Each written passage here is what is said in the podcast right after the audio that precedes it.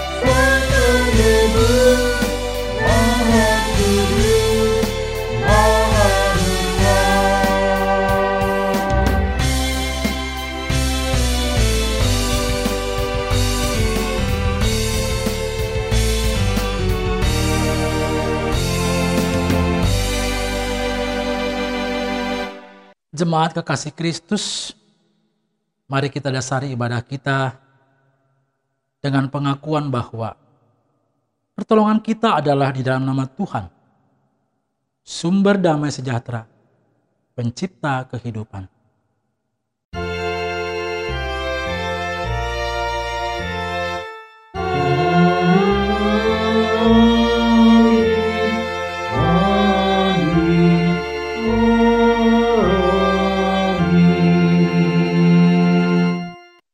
Kasih karunia dan damai sejahtera dari Allah Bapa, Anak dan Roh Kudus menyertai saudara.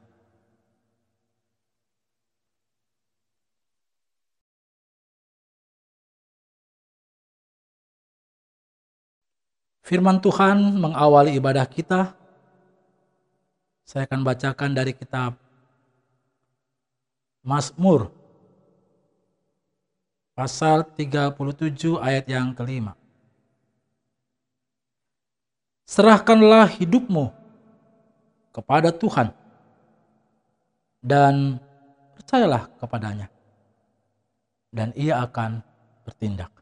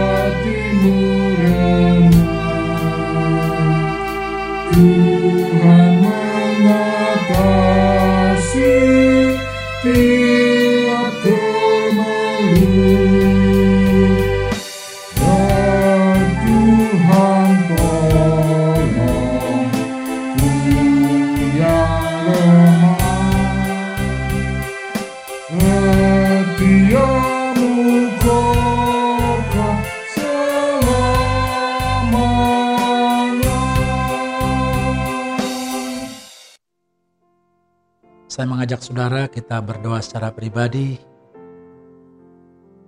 mengingat akan kesalahan, kelemahan, kekurangan, dan dosa kita. Pada Tuhan, sama suami, istri, anak, orang tua, sahabat, dalam doa pribadi. Saya akan menutupnya dan silahkan berdoa secara pribadi.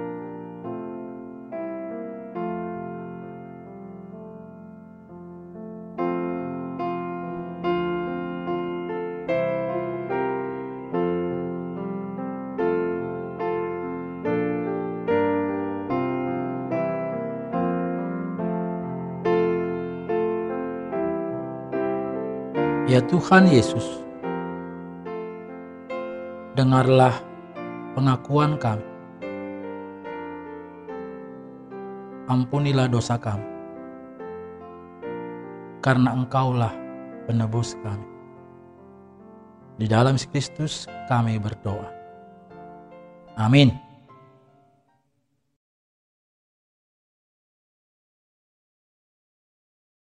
Saudara-saudara, Efesus 4 ayat 31 sampai 32. Kembali Tuhan menyapa kita melalui berita anugerah. Segala kepahitan, kegeraman, kemarahan, pertikaian dan fitnah hendaklah dibuang dari antara kamu. Demikian pula segala kejahatan. Tetapi hendaklah kamu ramah seorang terhadap yang lain. Penuh kasih mesra dan saling mengampuni. Sebagaimana Allah dalam Kristus telah mengampuni kamu. Demikianlah berita anugerah dari Tuhan. Hiduplah dalam anugerahnya. Tuhan telah mengampuni dan mempersatukan kita. Oleh karena itu, marilah kita hidup dalam damai dan pengampunan. Damai Tuhan besertamu.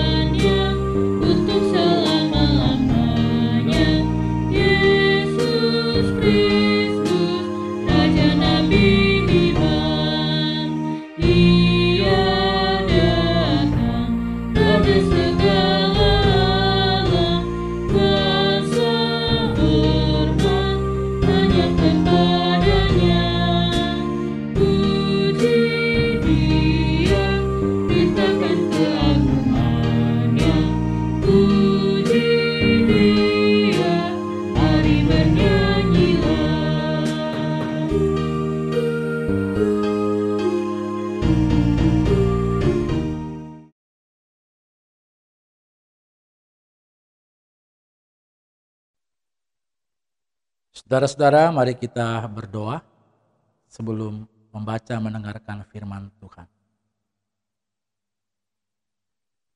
Ya Yesus, kami berterima kasih diberikan kesempatan untuk berjumpa dengan Kristus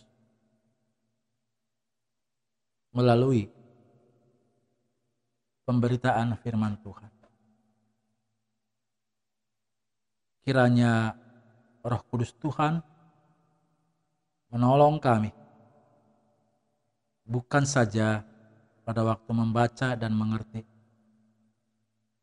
tetapi terlebih dalam kami melakukannya.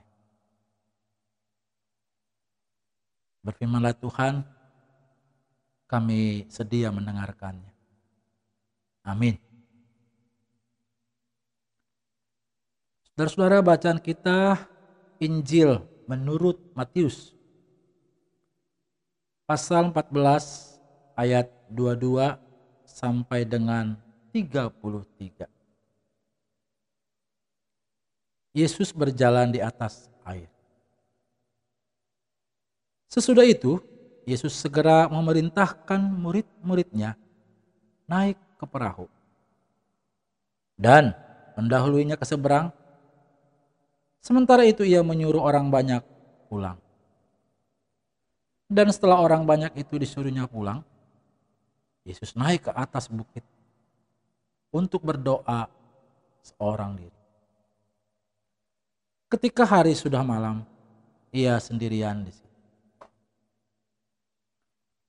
Perahu murid-muridnya sudah beberapa mil jauhnya dari pantai dan diombang-ambingkan gelombang karena angin sakal. Kira-kira jam 3 malam datanglah Yesus kepada mereka berjalan di atas air.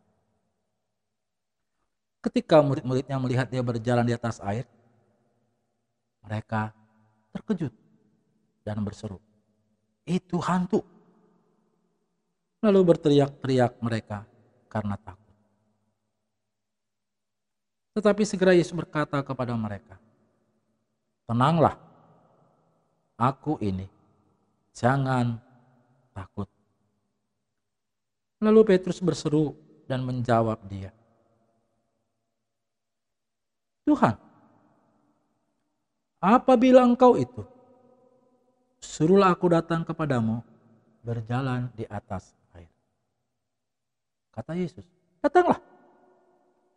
Maka Petrus turun dari perahu dan berjalan di atas air mendapatkan Yesus. Tapi ketika dirasanya tiupan angin. Takutlah ia dan mulai tenggelam lalu berteriak, Tuhan, tolong aku. Segera Yesus mengulurkan tangannya, memegang dia dan berkata, Hai orang yang kurang percaya, mengapa engkau bimbang? Lalu mereka naik ke perahu dan angin pun redalah. Dan orang-orang yang ada dalam dan orang-orang yang ada di perahu menyembah dia katanya.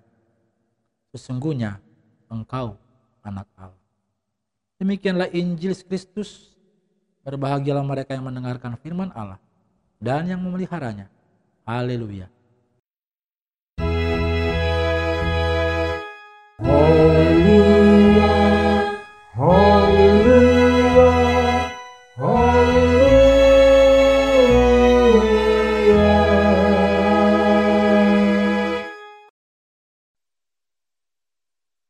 Saudara-saudara kekasih Kristus, pengharapan adalah sesuatu yang belum terwujud, yang masih kita nantikan. Apa saja,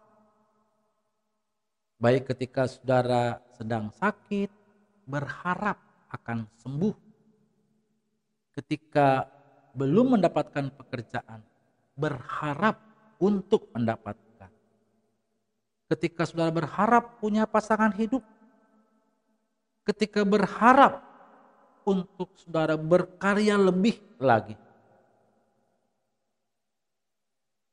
maka dibutuhkan yang disebut dengan percaya. Sebab kalau harapan tanpa percaya, kita bisa kecewa. Harapan tanpa percaya membuat kita bisa menjadi orang yang terombang-ambing. Jadi percaya adalah kunci untuk kita masuk dan memiliki pengharapan. Seperti Ibrani 11 ayat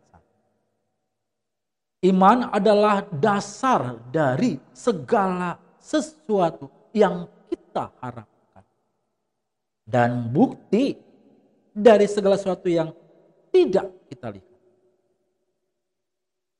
Yang diharapkan dan bukti yang tidak kita lihat. Nah, saudara-saudara, jadi yang disebut percaya adalah kunci dasar. Ya, kadang kita memang yang disebut percaya gampang-gampang susah. Tergantung bagaimana kita untuk menyikapinya apa yang kita harap.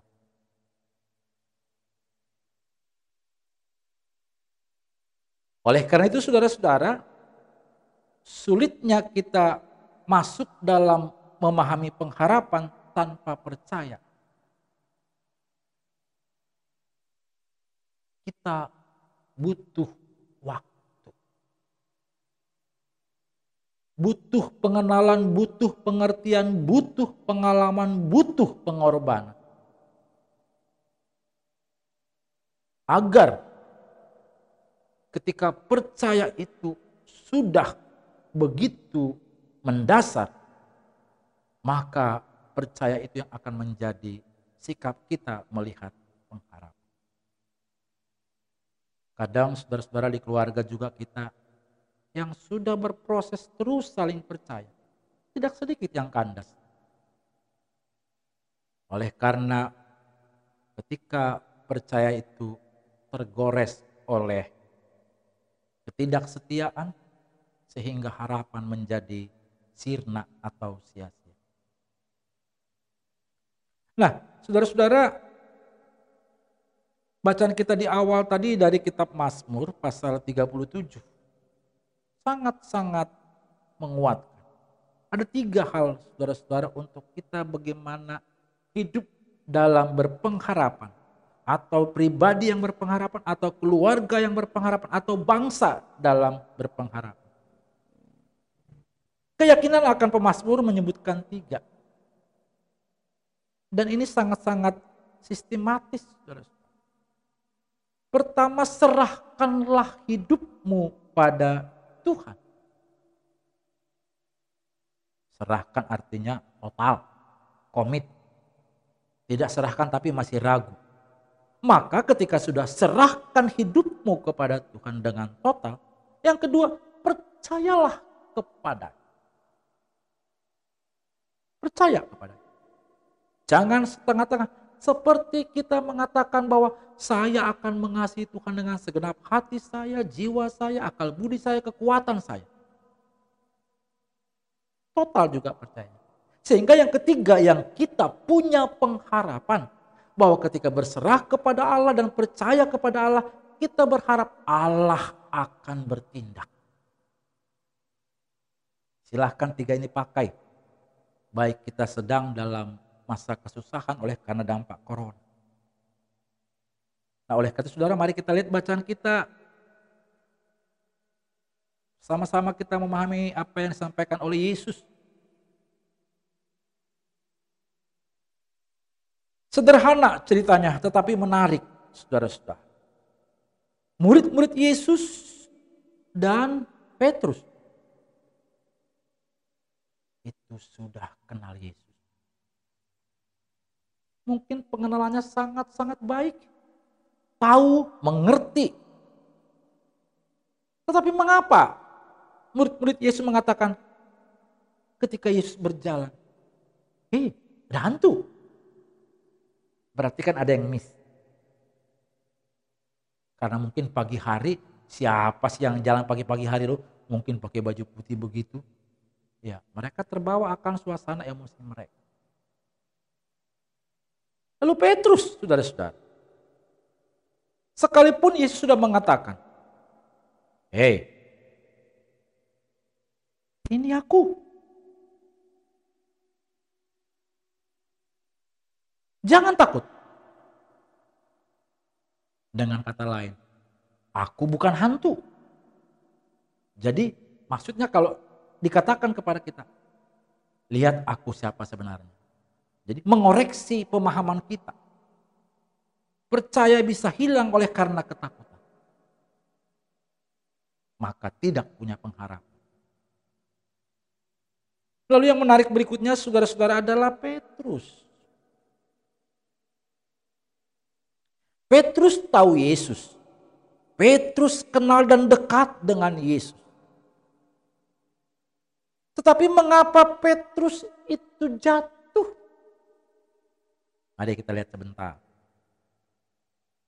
Ayat 28. Petrus berseru dan menjawab kepada Yesus. Tuhan, apabila engkau itu, suruhlah aku Petrus sudah kayak hebat aja ya atau dia ingin, mungkin ingin hampir sama dengan Yesus supaya bisa beratraksi mungkin bisa saja tetapi bahwa dia pun ingin menyambut Yesus berjalan di atas air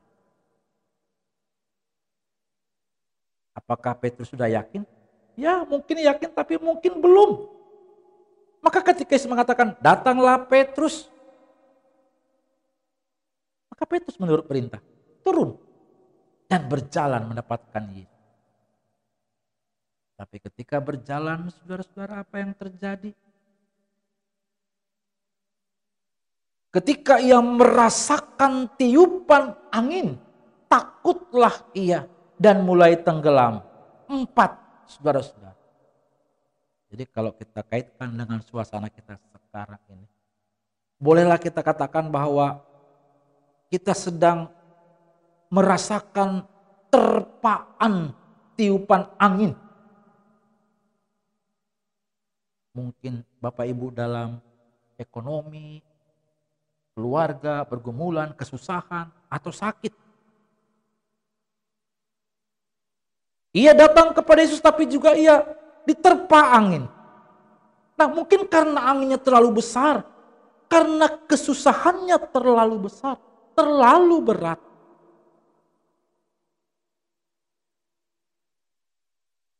maka takutlah. Banyak kita seperti itu. Oleh karena beban dan juga oleh karena kesusahan, bahkan corona, ia menjadi takut. Bahkan ketika ketakutan itu menekan kita, tenggelam. Terpuruk. Jatuh. Lalu ia berteriak yang keempat. Jadi ketika merasa bergumul dan juga ia diterpa dan ia saudara-saudara mulai takut dan ia tenggelam. Datang pada Tuhan. Tuhan tolong aku. Saudara-saudara, saya pun dulu pernah mengalami seperti ini ketika saya sakit kaki sebelah kanan. Jatuh dan saya bilang sama dokter saya, apakah saya masih bisa jalan? Dia bilang begini saudara, pendeta di gereja saya percaya kepada pendeta. Jadi kalau versi Mas Mur tadi saudara, serahkan, percaya, maka akan bertindak. Tapi kalau di rumah sakit, dokter bilang apa? Pendeta, serahkan pada saya, percayakan kepada saya. Lalu dibilang apa saudara? Jangankan jalan. Main basket lagi bisa. Nah ketika itu saudara-saudara ada harapan di sana dan bersemangat. Dan untungnya Petrus masih ingat, Tuhan tolong aku.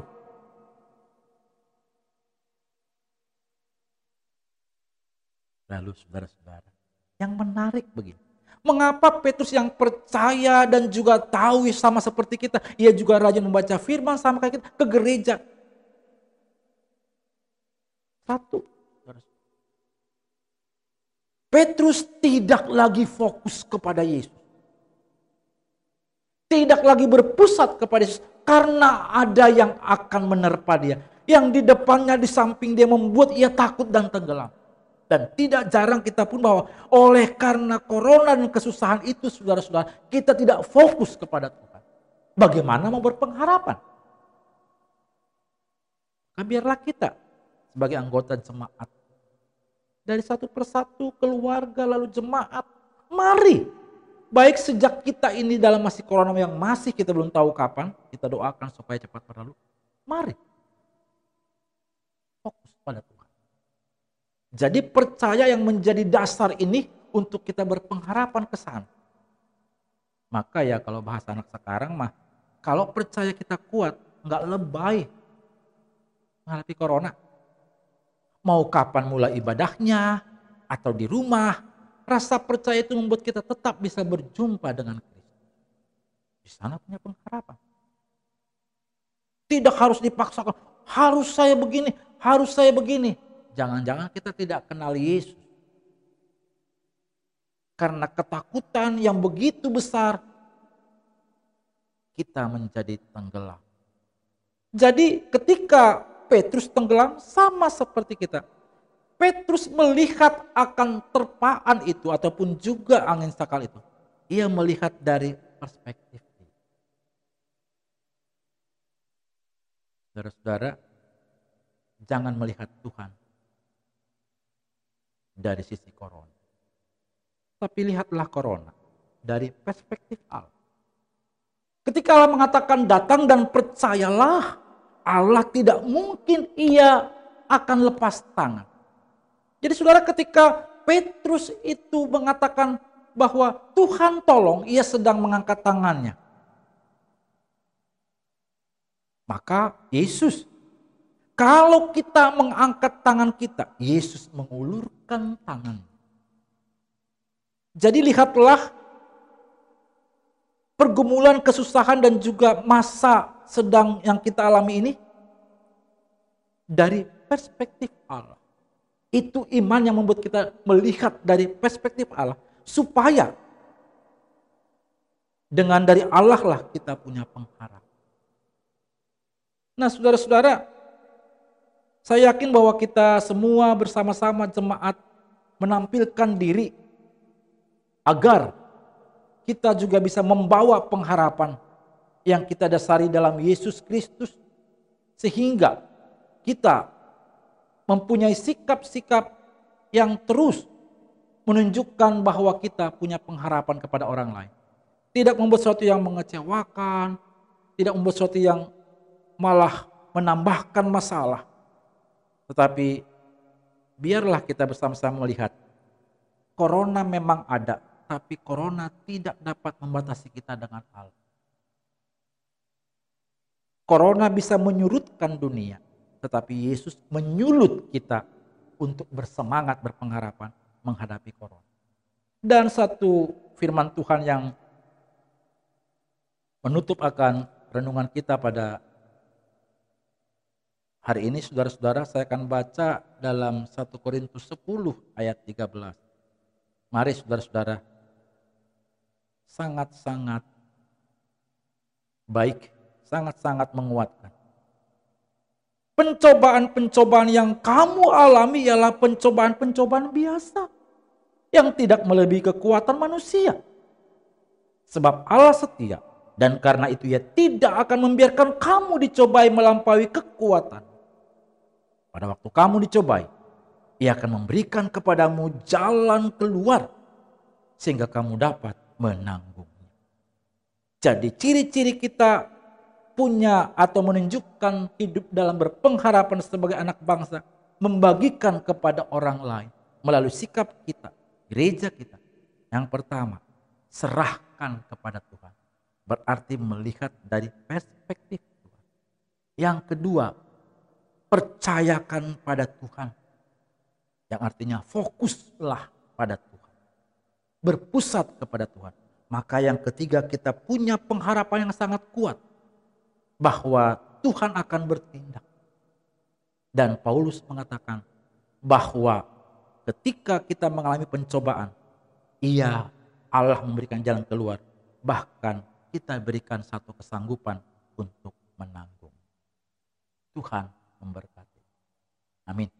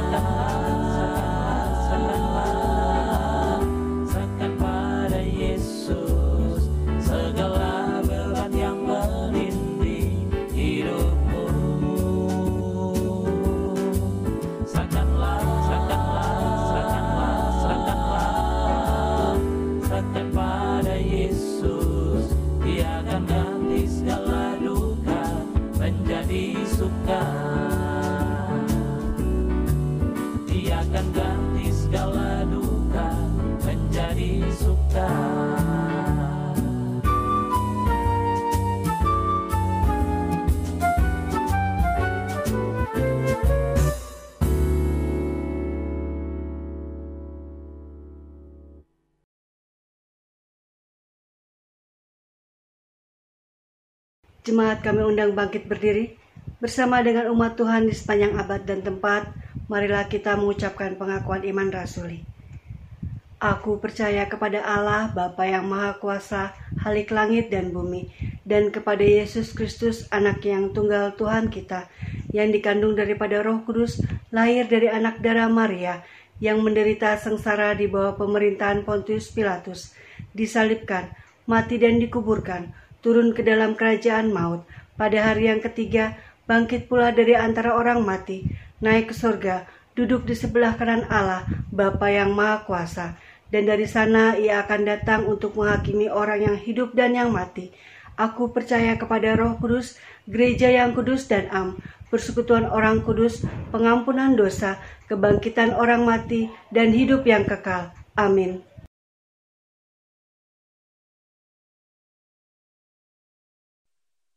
Bapak Ibu dan saudara-saudara jemaat kekasih Kristus, mari kita menaikkan syafaat kita. Bapa yang Maha Kasih, kembali kami datang kepadamu Tuhan dengan penuh pengucapan syukur. Terima kasih Tuhan Yesus, Engkau begitu baik bagi kami. Jemaat GKI Ciledug Raya, Tuhan pada kesempatan hari ini Tuhan, kami mau berdoa khususnya buat pergumulan kami untuk rumah ibadah. Tuhan Yesus kiranya mau lihat Tuhan segala sesuatu yang kami perlukan. Tuhan, Engkau mau turut campur tangan. Dana yang kami butuhkan, kami percaya Tuhan sudah sediakan. Tuhan, bagi panitia, dari PPRI, Majelis Jemaat, warga jemaat, maupun semua orang yang terlibat dalam pengurusan akan perizinan. Tuhan mau tolong terus campur tangan agar segala sesuatunya Tuhan boleh berjalan dengan baik dan lancar dan biarlah Tuhan hikmat akal budi kebijaksanaan, kebijaksanaan daripadamu saja ya Bapak boleh terjadi atas rencana demi rencana dari GKI Celduk Raya khususnya untuk pembangunan gedung gereja kami. Bapa di surga, semuanya Tuhan kami mau serahkan ke dalam tanganmu dan biarlah Tuhan Yesus kehendakmu saja yang boleh jadi. Dalam nama Tuhan Yesus kami sudah berdoa. Terima kasih Tuhan Yesus. Ya Tuhan Yesus, kami naikkan syafaat kami. Kami teringat untuk mereka yang bersuka cita karena usia boleh bertambah. Itu semua karena anugerah Tuhan berikan kesehatan, kekuatan, kesukacitaan, dan hidup dalam percaya, sehingga pengharapan kepada Kristus yang menjadi kehidupan mereka semakin hari semakin lebih baik. Dan mereka yang sakit ya Tuhan, baik di rumah maupun juga di rumah sakit, ataupun mereka yang jauh daripada kami. Tangan kasih-Mu Tuhan yang menjamah mereka senantiasa hidup dalam berpengharapan karena percaya kepada Kristus. Dan kami juga menyerahkan mereka. Dan mereka pun percaya, kami pun percaya. Tuhan akan bertindak. Dengan pengharapan itulah mereka hidup di dalam keadaan sakit tetapi tetap percaya dan bersemangat kepada Kristus. Berkati apa yang mereka perlukan Tuhan, baik cinta kasih, perhatian maupun juga keperluan sehingga mereka boleh mendapatkan kepulihan dan kesembuhan dari Tuhan. Berkati anak-anak kami yang sudah mulai sekolah, kuliah, Tuhan juga berikan kesehatan, bila mereka juga boleh memahami dalam suasana saat ini mereka belajar dengan suasana yang baru. Tuhan berikan kesehatan kepada anak kami, baik mereka yang sekolah maupun yang kuliah biarlah semua berjalan dengan baik. Berkati anak kami yang sedang bekerja, ataupun mereka yang sedang mencari pekerjaan. Tuhan bukakan jalan, Tuhan menolong. Dan berkati anak kami yang sedang mempersiapkan diri untuk berumah tangga sekalipun mungkin ada yang tertunda oleh karena corona. Jika mereka terus berpengharapan dalam Kristus, segala sesuatunya akan menjadi baik oleh karena kuasa dan kasih Kristus. Berkatilah rumah tangga kami Tuhan rumah tangga yang terus mau berpengharapan. Kami menjadi anak-anak Tuhan, anggota gereja, anak bangsa yang berpengharapan dalam menghadapi apa pun saat ini. Di sana kami boleh menampilkan ciri-ciri kami yang berserah kepada Kristus, yang percaya kepada Kristus, yang berharap akan tindakan Kristus. Dan kami tidak akan terkecoh. Sekalipun mungkin kami lemah jatuh, tapi kami seperti Petrus, punya tangan Tuhan yang senantiasa terulur bagi kami, yang menolong kami. Bukakan jalan Tuhan ketika kami hidup dalam pergumulan. Berkati untuk pekerjaan kami, berkati kesehatan kami, dan berkati juga untuk rencana-rencana kami hari esok dalam rumah tangga kami maupun pribadi kami dan pekerjaan kami. Kami menyerahkan Tuhan untuk orang tua kami lanjut usia baik yang bersama dengan kami maupun juga yang jauh daripada kami. Tetap mereka di dalam kekuatan Tuhan, kegembiraan, kebahagiaan bersama Tuhan sekalipun lemah fisik tetapi tetap berpengharapan. Dan mereka bersemangat hanya karena anugerah Kristus. Dan mereka tetap boleh menjadi berkat bahkan kekuatan bagi anak-anak menantu dan cucu.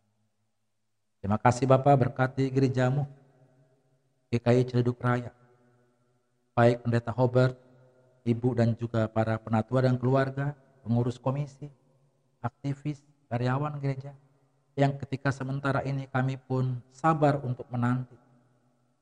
Dan engkau memberikan kami pengharapan karena kami percaya semua dalam kendala Tuhan. Dan Tuhan sangat akan membuat kami boleh pada waktu yang tepat beribadah. Kami percaya Tuhan akan menolong kami. Itulah pengharapan kami. Dan kami tidak akan kecewa karena Tuhan ada bersama kami. Tuhan negara kami yang terus berjuang, baik para tim medis dan juga mereka-mereka yang turut ambil bagian dalam mengatasi dan juga menyembuhkan mereka yang terkena virus corona. Sembuhkanlah Tuhan jamalah mereka yang sakit. Berikan tetap semangat dan pengharapan. Alat-alat obat-obatan, baik yang sedang berproses Tuhan jam, agar semua boleh menjadi baik. Dan mereka yang bertugas Tuhan berikan kesehatan, kekuatan. Engkau jadi perisai ya Tuhan. Kiranya Engkau menolong mereka senantiasa. Terima kasih Tuhan kami Kristus yang telah mengajar kami berdoa dalam doa Bapa kami melalui pujian.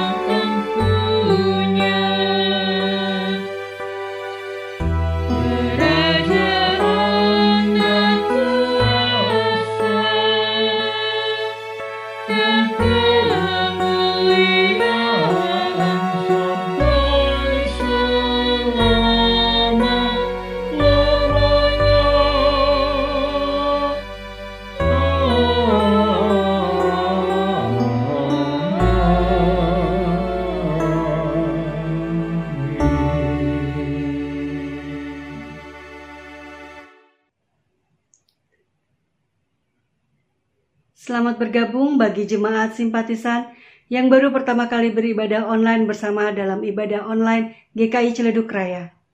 Kiranya kita bersama-sama mendapatkan damai sejahtera dan sukacita dari Tuhan kita Yesus Kristus. Saudara-saudara kekasih Tuhan, dengan penuh syukur mari kita haturkan persembahan yang telah kita siapkan. Seraya mengingat firman-Nya dalam Lukas 6 ayat 38, Berilah dan kamu akan diberi suatu takaran yang baik, yang dipadatkan, yang digoncang, dan yang tumpah keluar akan dicurahkan ke dalam ribaanmu. Sebab ukuran yang kamu pakai untuk mengukur akan diukurkan kepadamu. Bapak, Ibu, Saudara-saudari dapat mengumpulkan persembahan melalui rekening atas nama GKI Ciledug Raya pada Bank BCA dengan nomor rekening 336 8008003. Umat juga dapat menggunakan QRIS dengan melakukan scan QR code yang terdapat pada halaman akhir warta jemaat hari ini. Hal ini memungkinkan umat untuk memberikan persembahan melalui aplikasi Sakuku, OVO, Dana, Link Aja, dan GoPay. Jemaat kami undang bangkit berdiri kita bersatu di dalam doa.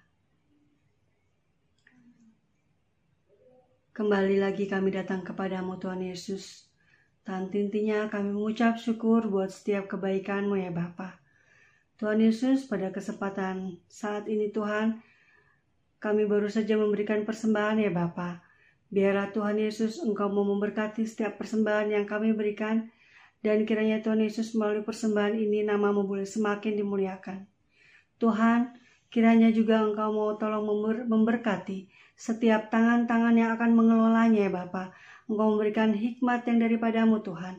Dan biarlah Tuhan Yesus kasih setia Tuhan boleh tetap melingkupi kami semua. Terima kasih ya Bapa.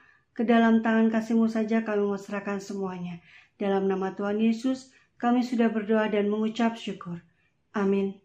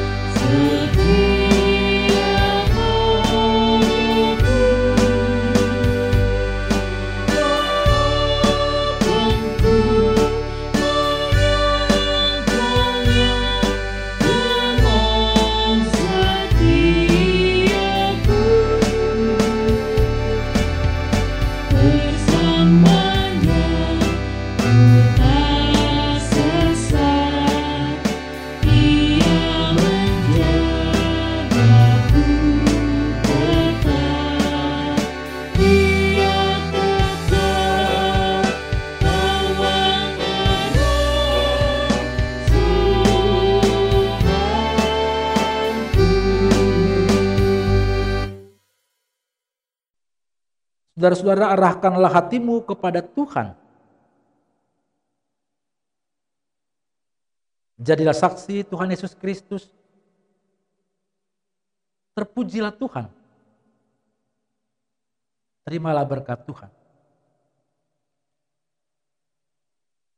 Tuhan memberkati saudara dan melindungi saudara.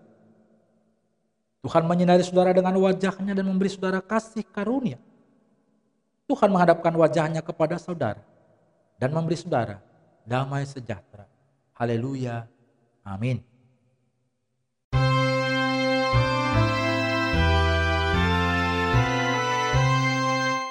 Mohon